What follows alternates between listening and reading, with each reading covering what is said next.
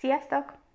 Sziasztok! Utolsó hónapjához érkeztünk a, most majdnem azt mondtam, hogy boomeres hónapnak, de a generációs hónapnak, viszont a boomerekről fogunk beszélni, szóval így el is le is lőttem a poént előre. A Paradoxon podcastjét hallgatjátok, én Steve vagyok, és itt van velem Ági, aki remélhetőleg nagyon sokat fog mesélni a boomerekről, illetve arra, hogy miért jó nekünk marketingesként, hogyha tudjuk az ő profiljukat, illetve hát átnézzük egy kicsit, hogy mi is volt a történelemben akkor, amikor ők cseperedtek, úgyhogy köszöntelek is itt a stúdióban. Szia! Szia, Steve!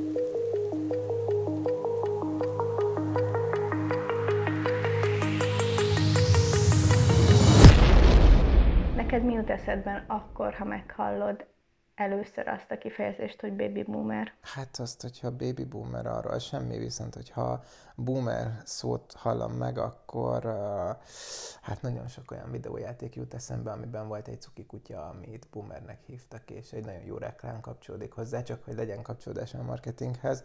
Majd lehet, hogy a az összefoglalónk végébe, amit ugye a blogon elolvashatnak a hallgatóink, oda beteszem, hogy mire is gondoltam, addig meghagyjuk meg ezt egy kicsit ilyen játéknak, hogy van-e, aki kitalálja. Biztos vagyok benne, hogy sokan tudják. Jó, hát akkor én fogom elárulni, hogy miért hívják őket boomereknek. Azért hívják boomereknek, mert a második világháború után nagyon megnövekedett a születésszám, ez Magyarországon a Ratkó korszakhoz fogjuk nagyjából ezt az időszakot, ami 50 és 56 között volt, amikor megugrott a születésszám, annak következtében, hogy betiltották az abortuszt, illetve azoknak a családoknak, akik nem vállaltak gyereket, ők mm, adót kellett befizetniük, gyermektelenségi adót kellett befizetniük azoknak a családoknak, akik nem vállaltak gyereket 30 és 40 év között. Ez azt hozta magával, hogy nagyon megugrott a születésszám, és egy kicsit a mai nyugdíjrendszert is megingatta. Most a kicsit diplomatikus voltam. Amit fontos tudni a boomerek korszakáról, az az, hogy mivel a második világháború után járunk Magyarországon, ezért ugye az ő időszakukban, az ő időszakokhoz fűződik ugye a Rákosi korszak, az 56-os forradalom, viszonylag nagyon egy szigorú szocialista rendszerben nőttek föl, aminek következtében ők egy igazán szabálykövető, konzervatív társadalmi csoport. A munkájukra jellemző, hogy például nagyon nehezen váltanak munkát, hozzászoktak ahhoz, hogy mindig van munkájuk. Ugye a, a rendszer sajátossága, hogy eltörölte a munkanélküliséget, amiből következően számukra a munka az mindig egy biztos pontot jelentett, és ők nem is nagyon váltanak munkáltatót, mint például az Y vagy az E generáció viszont a rendszerváltás hozta meg számukra azt a változást, ami miatt rákényszerültek arra, hogy elpártoljanak az állami szférából. Ez azoknak a boomereknek, akik könnyen megtették, mert idegen nyelvet beszéltek az oroszon kívül. Nagyon egyszerű volt, viszont azoknak a boomereknek, akik nem sajátítottak el az oroszon kívül más idegen nyelveket, ők maradtak állami szférában.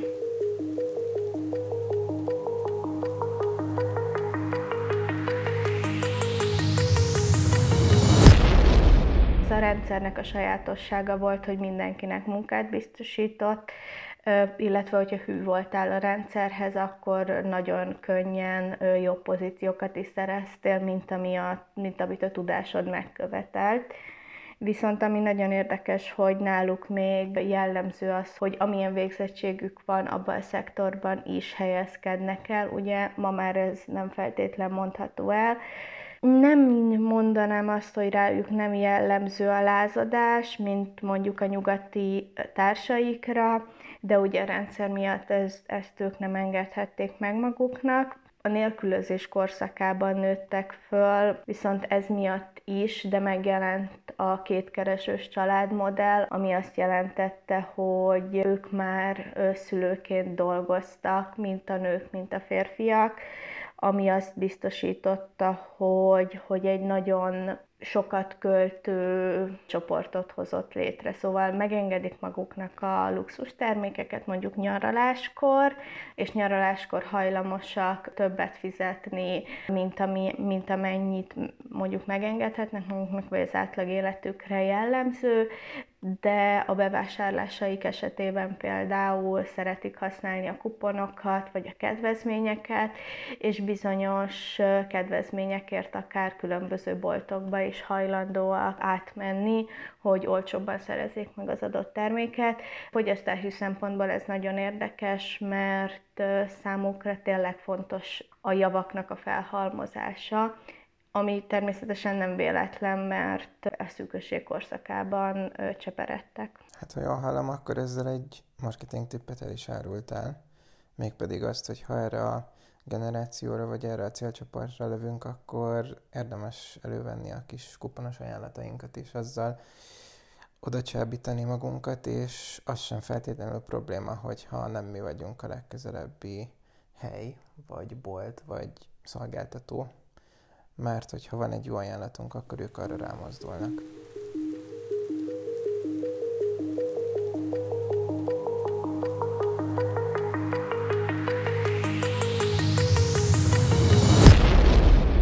Fogyasztásukra még ami nagyon jellemző, hogy messze menőkig árérzékenyek. Ez nem is véletlen, ugye, ahogy az előzőekben említettük a kuponos kedvezményeket, és ami még nagyon fontos, hogy szeretik a jól bevált termékeket, szóval ők egy márka csoport, illetve náluk még beválik a személyes interakció eladásnál, szóval, hogyha esetleg van egy olyan terméked, ami kifejezetten a boomereket célozza meg, akkor érdemes személyes promóciós kampányokat elindítani, ahol meg tudják őket szólítani, megfoghatják, láthatják a terméket, ezáltal tudod számukra biztosítani a vásárlói bizalmat. Információ közvetlenül a termékekről inkább személyes barátok ajánlásával, illetve családtagok ajánlásával vásárolnak.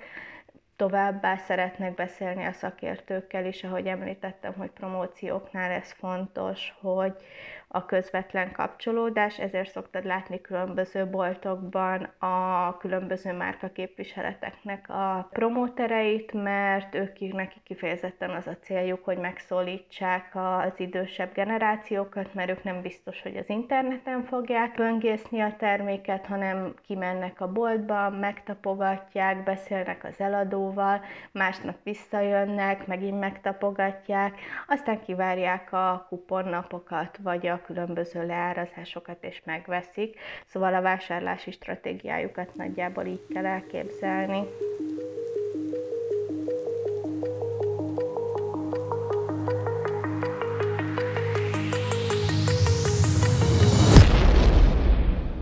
Egy kicsit beszéljünk most arról, hogy hogyan is működnek ők a vállalati szférában a munka világában mi jellemző rájuk. Ők hűségesek a, a munkáltatójuk felé, és, és nagyon nehezen váltanak, csak akkor, hogyha rákényszerülnek.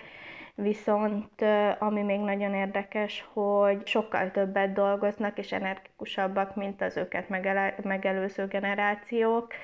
Ők megengedhetik, megteremthetik maguknak azt, hogy kemény, ők tudják, hogy kemény munkával viszonylag nagyon hamar nagyon jó pozíciókat tudnak elfoglalni, kitartóak és precízek és végtelen tudással rendelkeznek. Ők még az a generáció, akik a könyvekből, az iskolapadból, az oktatóik által szerezték meg a tudásukat, információjukat, és a tapasztalat volt számukra, a tapasztalat számukra a mérvadó. Noha az X-eseknél a hierarchia már halványul, a, a boomereknél ez nem jellemző, szóval ők hisznek az alulfelülrendeltségi viszonyban, de ellentmondásos a mindennapi életükkel kapcsolatban az, hogy ők azok, akik kicsit azért mégis a második generációja a boomereknek úgymond szabadabb elvű, szóval őrájuk mondjuk azt ugye az amerikai hippik, stb.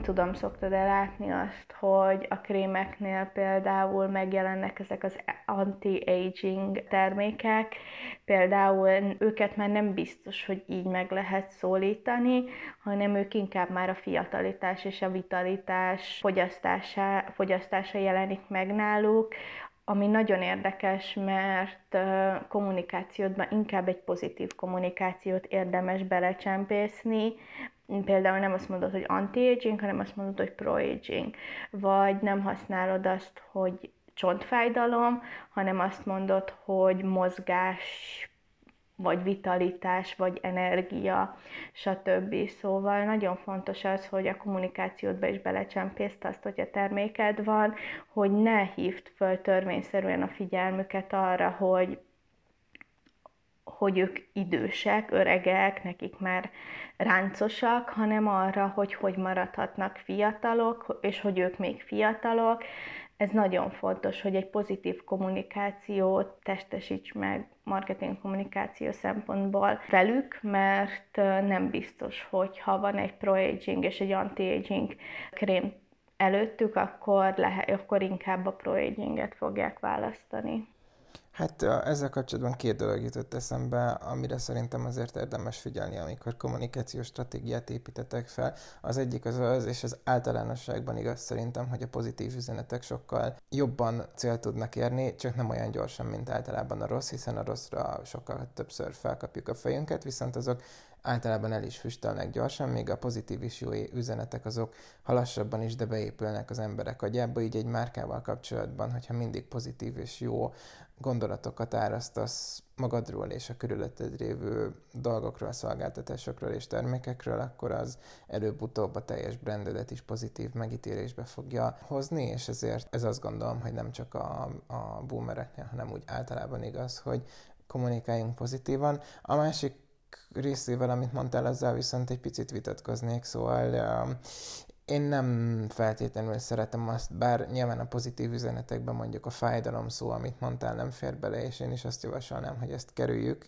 a lehető leginkább, de sokszor azért azt látom, hogy ez áttesik a ló túloldalára, és olyan szintű kommunikációk mennek, ami, ami nem igaz, és ami hazugságérzetet kelt az emberekben, és sajnos, vagy nem sajnos, de nagy valószínűséggel ez sokszor el is hiszik a, az emberek, most kifejezetten a magyar piacról beszélek, és hát ezért létezhet nagyon sok olyan reklám, vagy akár külön tévécsatorna is, ami a hiszékenységre épít, és ezekből a, a dolgokból próbálja felépíteni a, az eladásait.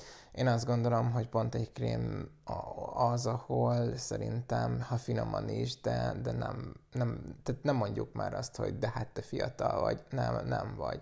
Inkább mondjuk azt, hogy abban a korban, amiben te vagy, lehetsz olyan, sőt, akár még fittebb is, mint egy 20 éves. És akkor ez mennyivel jobban hangzik, és valós közegbe teszi azt a amiről valójában szó van, nem pedig azt mondjuk, hogy ja, hát te fiatal vagy. Szóval, hogy én azt gondolom, hogy a kommunikációnak a minősége és a validitása az itt indul, nem feltétlenül ezt a világot éljük most, viszont nagyon remélem, és egy kicsit ezen is dolgozok, hogy ebbe a valós kommunikációs érába tudom majd a, akár a hazai, akár a nemzetközi marketing érát terelni.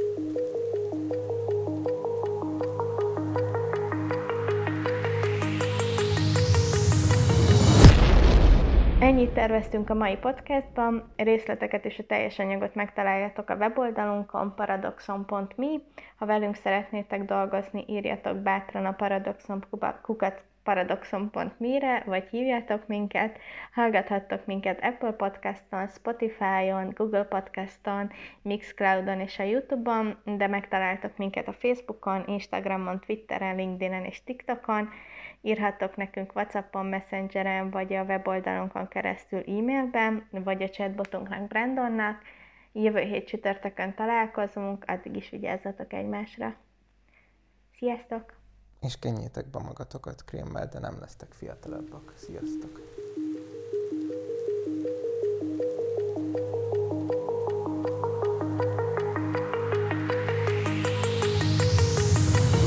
Do you remember how you held me then? Now you got me reaching out